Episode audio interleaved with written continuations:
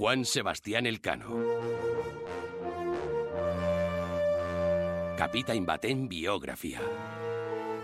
Bostgarren kapitulua. Beste itxasorantz. Mila bosteun ta hogeiko abuztuaren hogeita lauan. Jainkoaren eta salbamen pozgarriaren izenean. Kapitain generalak San Julian zorigaitzeko portu ura usteko agindu zuen. Baina zutik utzi zuten matxinadaren ondoren eraiki zuten urkabea. Juan de Cartagena eta matxinadan nabarmendutako kleriko bat uartetxo batean utzi zituzten, magaila esen aginduz. Bizkotxoz betetako zakutxo bat, ardo apur bat, eta ezpata bat utzi genien, eta egiazko pena zagurtu genituen. Itxasmutilek eta marinelek sufritu egiten zuten izotzez estalitako soketatik igotzean. Aize hotzotzak inongo babesik gabe kolpatzen zien bitartean. Lainoa zegoenean, ontzi nagusiak tiro egiten zuen tartean tartean. Santa Cruz ibaira iritsi ziren, Santiago itxasontzia ondoratu zen lekura. Eta egiaz, hainbeste arrain zegoenez, bertan geratu ziren bi hilabetez, arrantzatzen eta arrantzatutakoa gatzetan jartzen. Neguari agur esaten zioten bitartean, urestatzeko eta egurra zamatzeko ere baliatu zuten egonaldiura. Urriaren hogeita batean, ekinozio lerrotik berrogeita mabi gradu hegoaldera, lurmutur bat aurkitu zuten. Amaika mila virginen lurmuturra izena jarri zioten, egunura baitzen.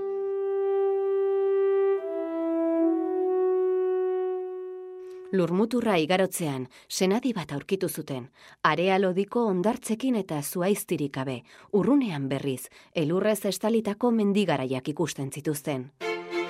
Konzepzion itxasontzia badiaren barrenera abiatu zen, eta kanal bat ikusi zuten. Marea aldeko zutela maniobrak egin eta itxasarte hartan barrena sartu ziren. Itxasarte ura zeharkatu ondoren, beste badia batera iritsi ziren, eta haren barrenean beste itxasarte bat aurkitu zuten.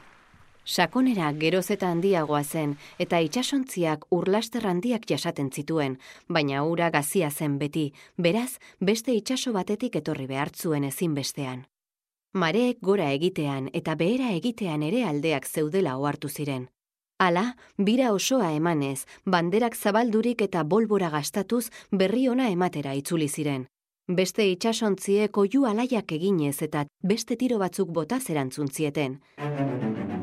Magaila esek ofizialen kontseilua bildu zuen, eta denek aurkikuntza jarraitzearen alde egin zuten.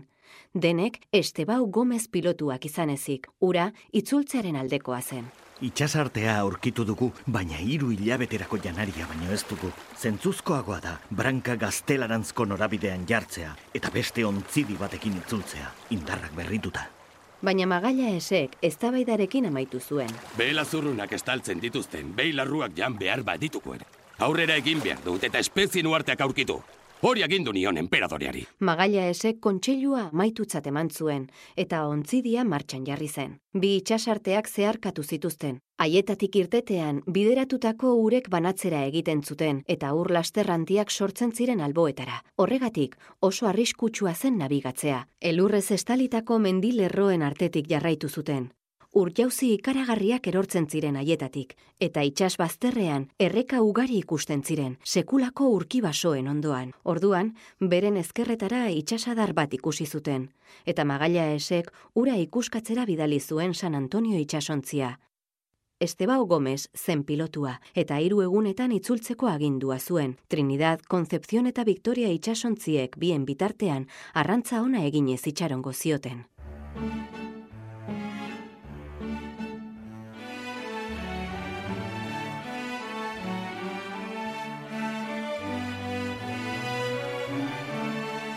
Hainbeste sardina dago, ibaia bera irakiten jartzen dutela baitirudi. Egur ugari dugu, hain erretxina duna, ez egon arren ere.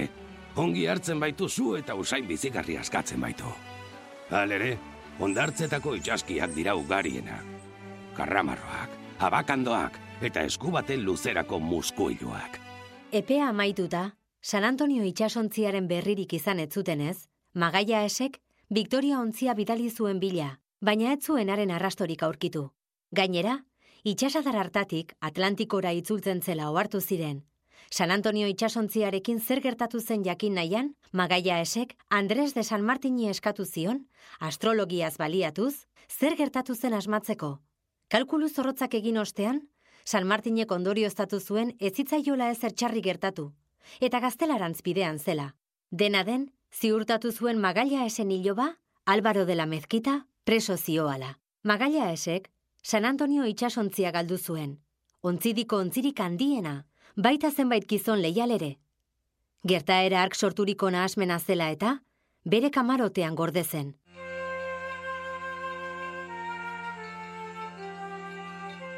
Baina magaila ez, oztopoen aurrean pizten den gizon hoietakoa zen. Sortea kontra izatean, adore handiagoa erakusten duen hoietakoa. Beraz, bere ausardiak aurrera egiteko indarra eman zion. Zin egiten dut jakueren abituagatik. Niri jarraitzea denon onerako izango dela. Jainkoaren errokiz, guztion desioa burutzeko itxaropena baitut. Biaramunean, aingurak jaso zituzten, itxasartean ez zuten inora aurkitu, baina gauetan, beren ezkerretara geratzen zen lur zatian, su ugari ikusten zituzten.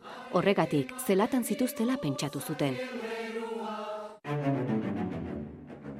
Mendilerro garaietan, baraza ugariko elurra dago, eta haien kolore urdinskagatik aspaldikoa dela esan daiteke. Hausten denean, elurra etxeen tamainako zatietan erortzen da, trumoien antzeko zarata eginez. Senadi batean gelditu ziren, Okazio Alonsok eta Hernando de Bustamante barberuek muño batera iristea lortu zuten. Bertatik, lurmutur urrun bat eta itsaso zabala begiztatu zituzten.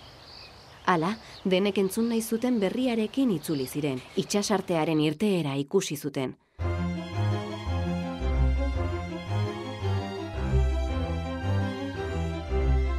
Batelak jasota, hiru itsasontziek bela egin zuten, pandereta eta danborrotxekin. Mila bosteun da hogeiko azaroaren hogeita zortzia zen. Fernando Magalla esek salbak botatzeko agindu zikun, aurkikuntza hartaraino bizirik eramateagatik jainkoari eskerrak emateko. Balboak hegoaldeko itsasoaren berri eman zuenean. Aberastasun eta oren aia piztu zen. Izan ere, asko galdu zuten bizia itxaso batetik bestera iristeko bide nabigagarri baten bila, baina ez zegoen biak lotzen zituen itxasarteari buruzko memoria idatzirik, harik eta Fernando Magalla esek aurkitu zuen arte.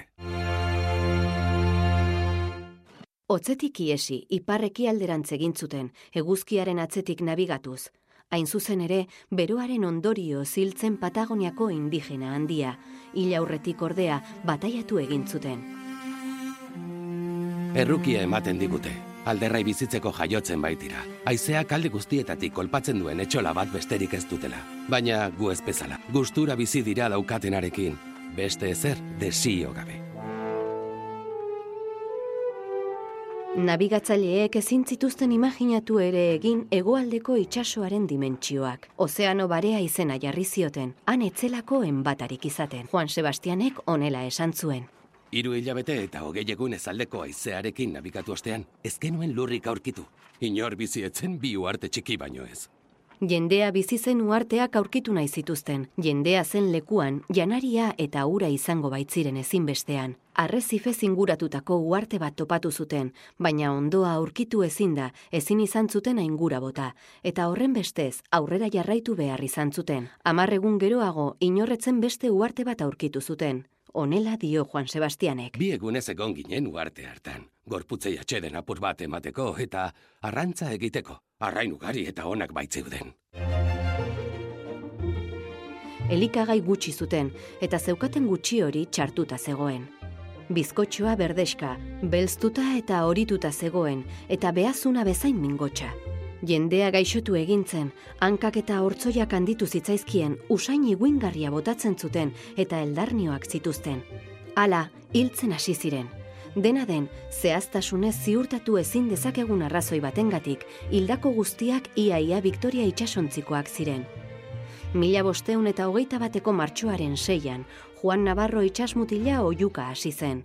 Lurra! Lurra! Itxasmutilak urrezko berrogita mar dukaten balioa zuten bi bitxi jaso zituen saritzat. Egungo hogeita bost mila euro gutxi gora bera.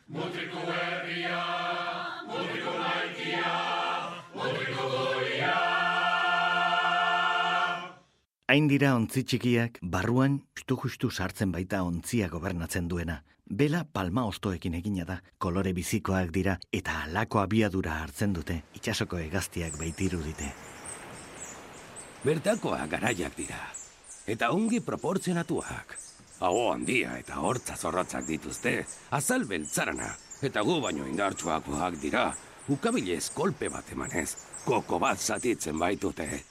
Ia denek dara matea baila bat. Eskuaren neurriko ardi larruarekin egina, ongi landutako harriak botatzeko. Harriek hain zuzen, beirazko arrautzak dirudite. Hain urrutitik jaurtitzen dute, ezin baitzaile arkabuza erabiliz kontra eraso. Berehala, hainbat eta hainbat ontzi txiki zituzten inguruan. Inongo errezelorik gabe, indigena ugari igo ziren itsasontzietara. Nabigatzaileak kezkatzen hasi ziren, edo zer gauza hartu eta uretara saltu egiten zutela ikustean batik bat. Francisco Albo, ontzi nagusiko kontramaixuak muturreko bat eman zion indigena bati, eta indigenak bueltan eman zion. Albo korduan, labana sartu zion bizkarrean. Uarte tarrek ies egin zuten, eta beren bela ontzietatik harriak eta ezurpuntako kanaberak jaurti zizkieten. Gaztela hauek berriz, balestekin tiru eginez erantzun zieten. Magaia esek gelditzeko agindu zien, eta beroaldia baretu zenean, trukean hasi ziren. Indigenek era guztietako elikagai freskoak ekarri zituzten. Eta dena burdinazko hiltze baten truke ematen zuten. Horixe baitzen haientzat baliotsuena. Na i ham pagu, ni kada haani, ni agun mami. Hankasartze batean, magalia esen txalupa eraman zuten. Eta magalia esek haren bila joateko agindu zien gizonei.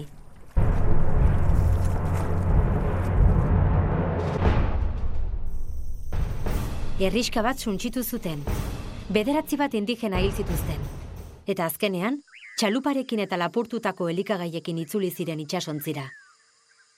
Bi egun geroago, mendebalderantz abiatu ziren, uarte haiek lapurren uarte izendatu zituzten. Masagua izeneko beste uarte bat aurkitu zuten, baina haien iritsiera etzen ustekabeko bat izan, antza emakume apaiz batek iragarri zuen. Botere handiko gizon batzuk datoz, zuriak eta hile horiak, indar eta adore handikoak. Hoiekin batera, soineko beltzak daramatzaten beste gizon batzuk datoz. Burua soilduta dute, eta gizonak baino zerbait gehiago dira. Odeien gorenean biziden jainko handiaren ministroak dira. Masaguan, Leon Ezpeletakoa eskribaua lehorreratu zen Enrique Itzultzailearekin, malakakoa baitzen. Honela esan zuten Gines de Mafrak. Bertakoek aurpegi ona egin ziguten harrera. Magaila esek, haiek ikusi zituenean, bere ala jabetu zen, lur txiki hartan urrea zegoela, bertakoek soinean baitzera maten. Orduan, hainbeste desiotako lurrera iritsi zela esan zigun.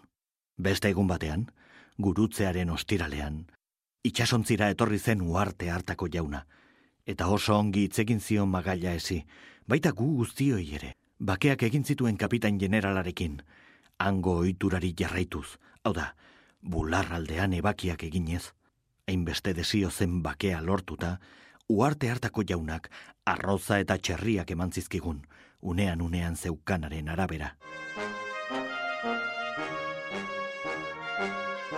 Magaila esek, bere begiekin ikusi zuen esklabu malaisiarrak haien hizkuntzan hitz egin zuela indigenekin. Beraz, ohartu zen bere ametsa bete zuela. Mendebaldetik ekialdera iristea hain zuzen. Urte luzeetan arriskuei aurre egin eta sufrimenduak jasan ondoren, iritsi zen saria.